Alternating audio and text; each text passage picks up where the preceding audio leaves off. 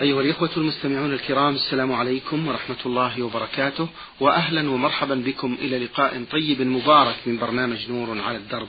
ضيف اللقاء هو سماحة الشيخ عبد العزيز بن عبد الله بن باز المفتي العام للمملكة العربية السعودية ورئيس هيئة كبار العلماء. في سؤاله الأول ما الفرق بين الروح والنفس وأيهما التي والنفس؟ نعم. ما الفرق بين الروح والنفس وأيهما تتعذب الروح من نفس؟ مأجورين. بسم الله الرحمن الرحيم. الحمد لله وصلى الله وسلم على رسول الله وعلى آله وأصحابه ومن اهتدى بهداه. أما بعد فالروح هي النفس والنفس هي الروح. والعذاب على النفس والجسد جميعا. لكن نصيب الروح أكثر من النعيم والعذاب.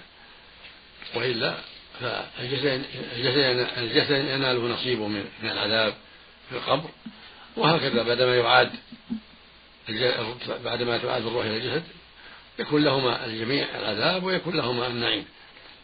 نعم. أحسن الله إليكم. سماحة الشيخ يقول في الآية الكريمة نقرأ الآية إن السمع والبصر والفؤاد كل أولئك كان عنه مسؤولا. يريد تفسيرا للآية شيخ. على ظاهرها. الإنسان مسؤول عن سمعه وعن بصره وعن فؤاده عن قلبه وعقله. هل استعمل في طاعة الله أو في محارم الله؟ الأمر عظيم. السمع يسمع الشر والخير والبصر كذلك والقلب كذلك يعقل الشر والخير. فالواجب على كل مكلف أن يصون سمعه عما حرم الله وأن يصون بصره عما حرم الله وأن يعمر قلبه بتقوى الله ويحذر محارم الله فيخاف الله ويحبه ويخشاه جل وعلا ويخلص له في العمل ويحذر خلاف ذلك من النفاق والكبر وغير هذا من أعمال القلوب السيئة. والعقل يسمى فؤاد والقلب يسمى فؤاد. نعم. أحسن الله إليكم. في الآية الكريمة يقول قل هو الذي أنشأكم وجعل لكم السمع والأبصار والأفئدة. الآية ما هو الفؤاد في هذه الآية؟ الفؤاد مثل ما تقدم. نعم. هو القلب وهو العقل. لأن القلب يعقل به. قال تعالى أفلم يسير في الأرض فتكون لهم قلوب يعقلون بها. يسمى فؤاد. فالقلب سمى الفؤاد. وهو محل العقل أيضا. وهو مسؤول. مسؤول عن ما عمل من خير وشر. فخوف الله ومحبة الله وخشيته والإخلاص. هذا عمل طيب. والنفاق والرياء والكبر وأشبه ذلك من أعمال القلوب السيئة. نسأل الله العافية. أحسن الله إليكم. هذا السائل الذي رمز لاسمه بميم ميم صاد من اليمن يقول في سؤاله الأول لقد طلب مني رجل أن أكتب على سطح قبر زوجته الذي هو مبني الذي هو آه، مبنى مبني. يقول طلب مني أن أكتب آية الكرسي باطلاع وكتبت الآية على سطح القبر فهل علي إثم في ذلك؟ أولا القبر لا يجوز البناء عليه. الرسول نهى أن يبنى على القبر وأن يجصص وأن يقعد عليه خرجه مسلم في الصحيح. فلا يجوز البناء على القبور لأن البناء عليه قبة أو غيرها يسبب الغلو فيه. الواجب أن يدفن ويرفع التراب على, على عن الأرض قدر شبر على ما أنه قبر. ولا يبنى عليه شيء لا قبة ولا حجرة ولا غير ذلك. ولا يجوز الكتابة عليه. لأن الرسول صلى الله عليه وسلم نهى أن يكتب على القبر وأن يبنى عليه وأن يقعد عليه وأن يجصص كلها نهى عن النبي صلى الله عليه وسلم. والكتابة عليه قد تجر إلى الشر قد يكتب عليه أن كذا وأن كذا وأن كذا فيفتن الناس به. فلا تجوز الكتابة عليه لا قليلا ولا كثيرا. نعم. أحسن الله إليكم. سماحة الشيخ يقول هذا السائل بأن العلماء قالوا بأن أفضل الأوقات لقيام الليل هو الثلث الأخير. ولكنني لا أعرف هل يبدأ تقسيم هذا الليل من وقت الغروب حتى شروقها أم من وقت غروبها حتى وقت صلاة الفجر؟ الليل من غروب الشمس إلى طلوع الفجر هذا الليل. من غروب الشمس إلى طلوع الفجر الصادق. وأفضل أوقاته الثلث الأخير. لقول النبي صلى الله عليه وسلم ينزل ربنا إلى سماء الدنيا كل ليلة حين يبقى ثلث الليل الآخر. فيقول من يدعوني فأستجيب له من يسألني فأعطيه من يستغفرني فغيره حتى ينفجر الفجر. هذا الوقت هو الوقت العظيم وقت التنزل الإلهي وقت دعوة الرب للعباد أن يسألوه وأن يضرعوا إليه جل وعلا. فهذا أفضل الوقت وبعده جوف الليل. نعم. جزاكم الله خيرا. سماحة الشيخ في آخر أسئلة هذا السائل يقول هل يصح مسح الأرجل أثناء الوضوء من خلف الجوارب؟ تمسح من فوق؟ السنة مسحها من فوق. النبي صلى الله عليه وسلم كان يمسح على خفيه على ظاهرهما فقط. أما مسح العقب وأسفل الخف هذا ليس بصحيح. خبر ضعيف. الصواب أنه صلى الله عليه وسلم كان يمسح على ظاهر خفيه كما رواه أبو داود بسند زيد عن علي رضي الله عنه. قال كان يمسح على ظاهر خفيه عليه الصلاة والسلام. نعم. أحسن الله إليكم. سماحة الشيخ السائلة أختكم في الله أم عبد الله لها سؤالان. تقول في السؤال الأول نرى البعض من الناس إذا توفي لهم قريب يجتمعون في بيت واحد. أي يجتمع أفراد العائلة من إخوة وأخوات وأعمام وخالات ونجد أن أقاربهم ومعارفهم يرسلون لهم يرسلون لهم الطعام لمدة ثلاثة أيام وأحيانا يكون ذلك أكثر من ثلاثة أيام فهل في ذلك شيء؟ ليس في ذلك شيء. السنة أن غالب الميت أو جيرانه يهدون لهم طعاما يبعثون لهم طعاما لأنهم قد أتاهم ما يسألهم. النبي صلى الله عليه وسلم لما مات جعفر لما قتل جعفر بن أبي طالب في مؤتة في الشام قال النبي لأهل بيته ابعثوا لأهل جعفر طعاما. قال لأهل ابعثوا لأهل جعفر طعاما فإنه قد أتاهم ما يشغلهم. فالسنة لجيرانهم أو أقاربهم أن يبعثوا لهم طعام أيام الحزن ثلاثة أيام أو أكثر. وإذا زارهم غيرهم وعزوهم هذا أفضل سنة تعزية. أما الميت لا ليس لهم أن يصنعوا شيء. لكن التعزية يكون يزارون ويعزون يعزون هذا سنة. نعم. التعزية في التليفون سماحة الشيخ. لا لا في التليفون أو بالمكاتبة كله طيب. أحسن الله إليكم. إذا كان هناك شخص يقول السائل من أحد أقاربنا لا يصلي فهل يجوز لنا أن نأكل من ماله؟ وهل نستجيب لدعوته إذا دعانا في المناسبات؟ الذي لا يصلي يستحق الهجر ينبغي يهجر. ينصح ويوجه إلى الخير ويؤمر بطاعة الله فإذا أصر ولا يصلي يهجر يستحق الهجر لأنه ترك أمرا عظيما ترك واجبا عظيما. فإن الصلاة عمود الإسلام والواجب أن يصلي في المسجد مع الناس. فإذا سهل بذلك وجب هجره. وإن تركها كفر نسأل الله العافية. يقول النبي صلى الله عليه وسلم بين الرجل وبين الكفر والشرك ترك الصلاة. ويقول عليه الصلاة والسلام العهد الذي بيننا وبينهم الصلاة فمن تركها فقد كفر. وإن صلىها في البيت عصى كان معصية. لأن الواجب أن يصليها مع الناس في المسجد إلا المعذور كالمريض. يقول النبي صلى الله عليه وسلم من سمع الندى فلم يأتي فلا صلاة له إلا من عذر. قال ابن عباس ما هو العذر؟ قال خوف أو مرض. وفي الصحيح أن رجل أعمى قال يا رسول الله ليس لي قائد يقودني المسجد فهل لي من رخصة أن أصلي في بيتي؟ فقال له صلى الله عليه وسلم هل تسمع النداء بالصلاة؟ قال نعم. قال فأجب. هذا أعمى ليس له قائد يقوده ومع هذا قال أجب. يعني التمس من يقودك وأجب إلى الصلاة في المسجد. فحضورها في المسجد واجب. وترك ذلك معصية. أما تركها بالكلية كل ما يصلي؟ هذا كفر أكبر أعوذ بالله. هذا الصحيح. من أقوال العلماء. وإن لم يجحد وجوبها. أما من جحد وجوبها كفر عند الجميع نسأل الله العافية. أحسن الله إليكم سماحة الشيخ. آه، السائلة هم بلال من اليمن تقول بأنها متزوجة ولديها أولاد. تقول ووالدي في حالة غير ميسورة وعند حاجته للمال يأتي إلي لطلب المال. في حين لا يوجد لدي مال فأضطر للأخذ من مال زوجي دون علمه فهل أأثم في ذلك؟ نعم. ليس لك الأخذ من ماله إلا بإذنه. استأذنيه قل إن والدي في حاجة واستأذنيه لا بأس أما أن تأخذ من مال زوجه بغير علمه لأجل أبيك هذا منكر ظلم لا يجوز نسأل الله العافية اللهم آمين. السائل الشيخ عبد العزيز حفظكم الله تقول أحس وأشعر بضيق شديد عندما يأتي إلي والدي هذا وحتى أنني لا أريده آه، أن يقوم بزيارتي فهل اثم على ذلك أيضا؟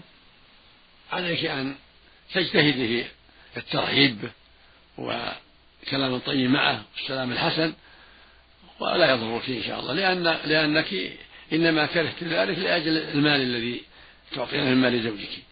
تحرجين من ذلك. لكن أليني القول ورحبي به ويجب عليك أن ترحبي به وأن تشرحي صدرك له لأن حقه عظيم.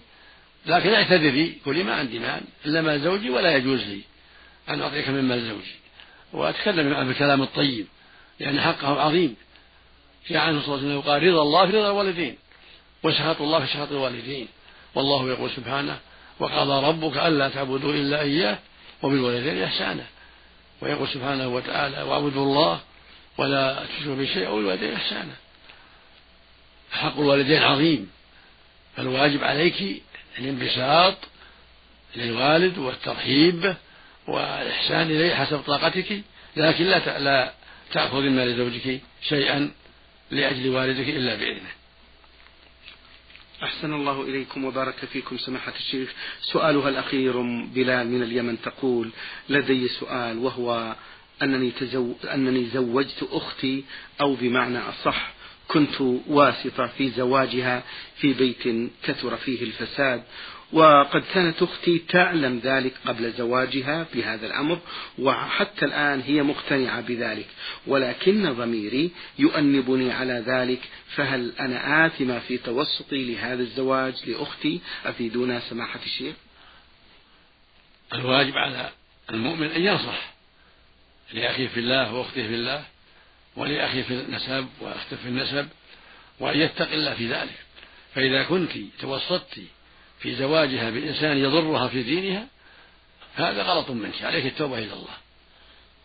أما إذا كنت توسطت لأنك ترين أنه مناسب ولا حرج فيه ولكن جاء الفساد بعد ذلك فلا يضرك.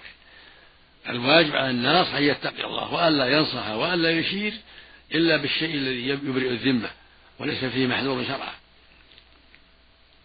وليس لك أن تشير بزوج غير مستقيم لأنه يضر الزوجة. فإذا كان هذا الزوج غير مستقيم وأنت تعلمين أنه غير مستقيم فقد أخطأت وعليك التوبة إلى الله سبحانه وتعالى. نعم. أحسن الله إليكم سماحة الشيخ. آه السائلة التي رمزت لاسمها بسين حاميم من شقراء تقول في هذا السؤال. بالنسبة لإزالة الشعر الغير مرغوب فيه بالنسبة للمرأة ما حكم إزالة هذا الشعر بصورة نهائية؟ يعني لا يعود للنمو مرة أخرى وذلك بمستحضرات التجميل مثل الكريمات والأعشاب. هل في ذلك تغيير لخلق الله؟ لا بأس بهذا لا لا حرج. ليس هذا من التغيير المنهي عنه. فإذا زالت شعر الإبط بما يزيله بالكلية أو شعر العانة الشعرة بما يزيله بالكلية فلا حرج في ذلك. السنة إزالته وأن لا يترك أكثر من أربعين ليلة. شعر الإبط وشعر العانة والظهر والشارب هكذا وقت النبي صلى الله عليه وسلم للناس. فإذا أزال الرجل أو المرأة شعر الإبط أو العانة بما يمنع نباته مرة أخرى فلا بأس ولا حرج في ذلك. نعم. أحسن الله إليكم. أبو محمد أرسل بمجموعة من الأسئلة يبدأ هذه الرسالة ويستفسر عن حديثين عن معنى حديثين يقول ما صحتهما؟ حديث الدعاء ينفع مما نزل ومما لم ينزل فعليكم عباد الله بالدعاء. ما صحة هذا الحديث؟ لا أذكر حال سنده لكن معناه صحيح. الدعاء ينفع مما نزل ومما لم ينزل. من الأقدار المعلقة من الأقدار المعلقة في الدعاء. لا يرد قدر إلا الدعاء في الدعاء فيه خير عظيم. والله يقول جل وعلا ادعوني أستجب لكم. ويقول سبحانه وإذا سألك عبادي عني فإني قريب أجيب دعوة الداعي إذا دعان. ويقول سبحانه ادعوا ربكم تضرعوا وخفيا إنه لا يحب المعتدين. ولا تفسدوا بعد إصلاحها وادعوه خوفا وطمعا. إن رحمة الله قريب من المحسنين الدعاء مطلوب وينفع مما نزل ومما لم ينزل. فينبغي المؤمن أن يكثر من الدعاء وأن يلح في الدعاء. ويقول ويسأل ربه من فضله. الله يقول واسألوا الله من فضله. فيسأله صلاح العمل صلاح القلب يسأله بسط الرزق تفريج الكربة تيسير الأمور يسأله نصر الإسلام والمسلمين عز الإسلام والمسلمين يسأل الله لولاة الأمور التوفيق وصلاح النية والعمل يسأل الله لوالديه المغفرة إذا كانا مسلمين يسأل لهما المغفرة والرحمة وإذا كان حيين يسأل لهما التوفيق وحسن الختام وهكذا. يسأل الشيء الطيب في دينه ودنياه. نعم. أحسن الله إليكم. سماحة الشيخ يستفسر عن حديث أيضا ليس شيء أكرم على الله تعالى من الدعاء. ما صحة ذلك؟ جاء في معنى هذا الحديث ولكن ما يعرف سنده المعروف الدعاء هو العبادة جاء هذا حديث جيد. وفي رواية ليس شيء أكرم على الله من الدعاء. لا أعرف سنده نعم. أحسن الله إليكم. يقول هذا السائل أبو محمد لقد حلفت في ذات لقد حلفت في مرة من الأيام ولم أتلفظ بهذا الأمر وإنما بقلبي أي أقسمت بقلبي ولم أقسم بلساني وقد حنثت في هذا القسم فهل علي كفارة؟ قسم القلب لا يترتب عليه شيء. ما يترتب على قسم اللسان. فإذا نوى بقلبه ما يصير شيء حتى يقسم باللسان. قسم اللسان هو المعتبر. نعم. سماحة الشيخ كثرة الأيمان عند بعض الناس بماذا توجهونهم شيخ الواجب على المؤمن أن يحفظ لسانه وأن يجتهد في تقليد يمينه ربنا يقول واحفظوا أيمانكم. في الحديث يقول صلى الله عليه وسلم ثلاثة لا يكلمهم الله يوم القيامة ولا ينظر إليهم ولا يزكيهم ولهم عذاب أليم.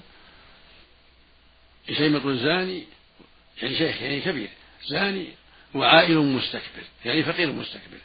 ورجل جعل الله بضاعته لا يشتري إلا بيمينه ولا يبيع إلا بيمينه. ينبغي للمؤمن أن يحفظ يمينه وأن لا يتكلم إلا عن بصيرة لا, يحلف إلا عن بصيرة حتى لا يقع في الكذب. نسأل الله السلامة والعافية. اللهم آمين. أحسن الله إليكم. في آخر أسئلة هذا السائل آه، أبو محمد يقول سمعت في شهر رمضان من يقول بأن الواجب في الزكاة هو اثنين ونصف وأن من يدفع ثلاثة بالمية فإنه يكون محادا لله أو محاد لله ولرسوله.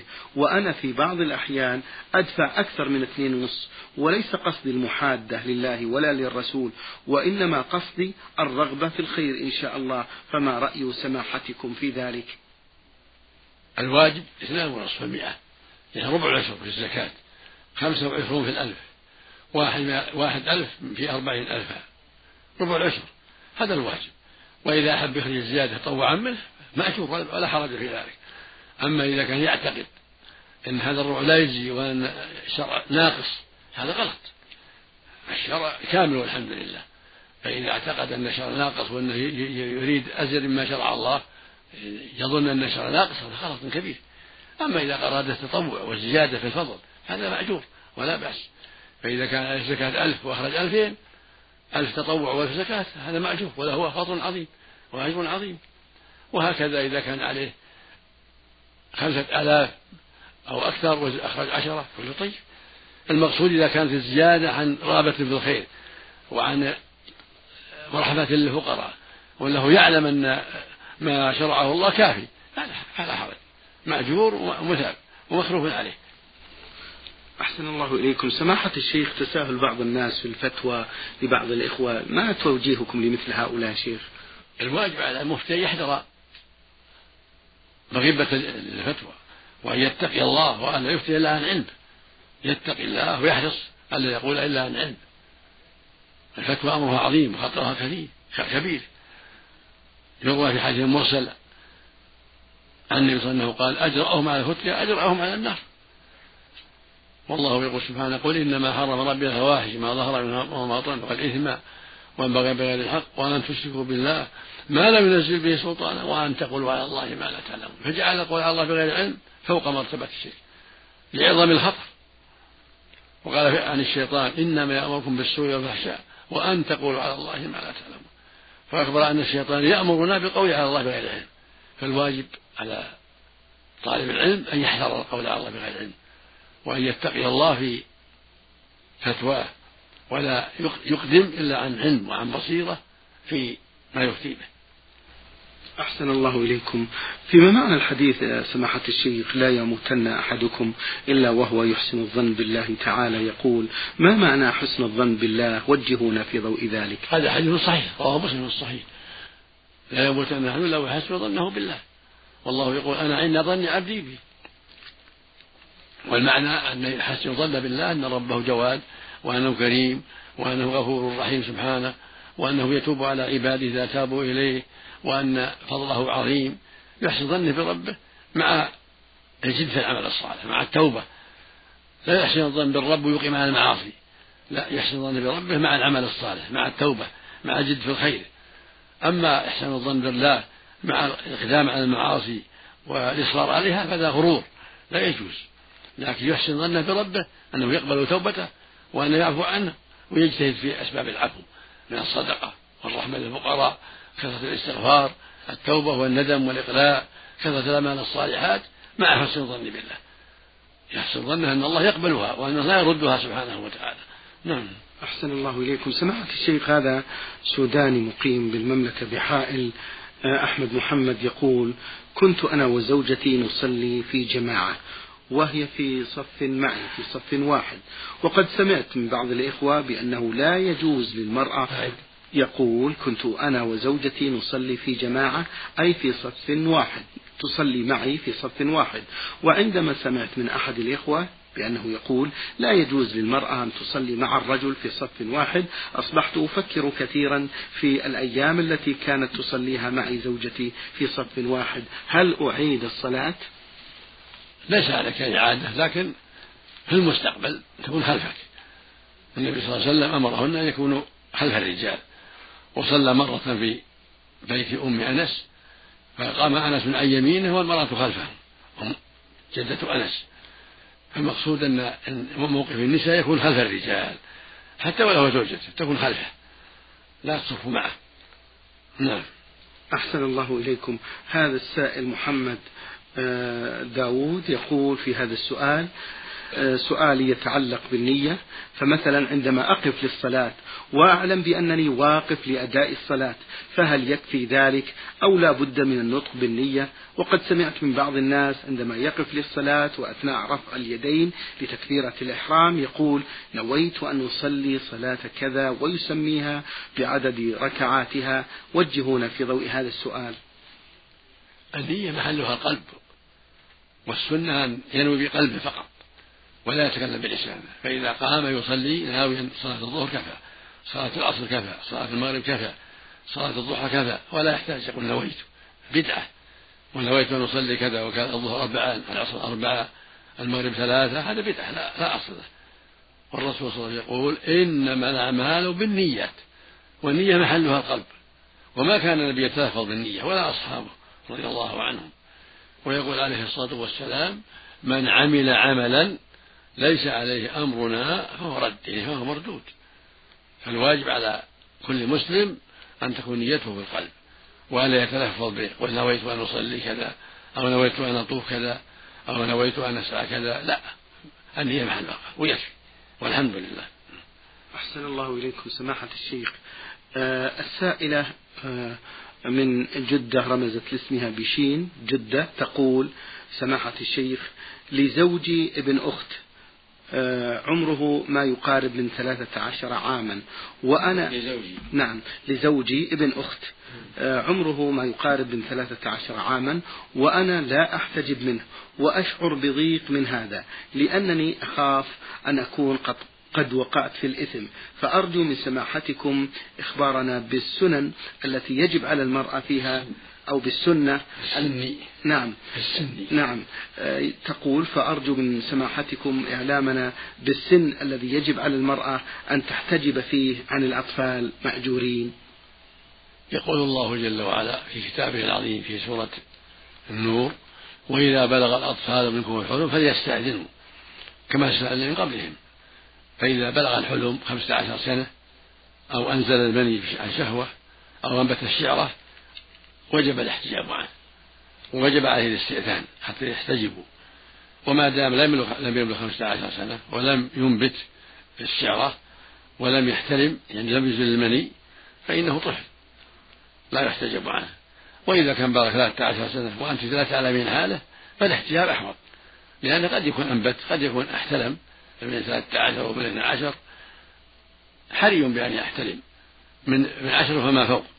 إذا بلغ عشرة فما فوق حري يحتلم فإذا احتجبت عنه من عشر فأكثر من باب الاحتياط حسن.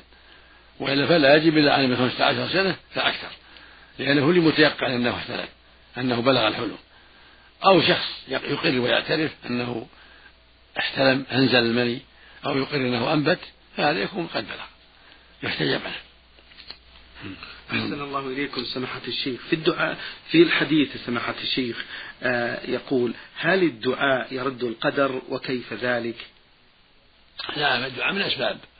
رد قدر معلق والقدر يكون معلق ويكون مبتوتا فإذا كان قدر معلق قد قد قدر الله جل وعلا أن يهبه ولدا إذا دعا ربه فدعا ربه واستجاب دعوته.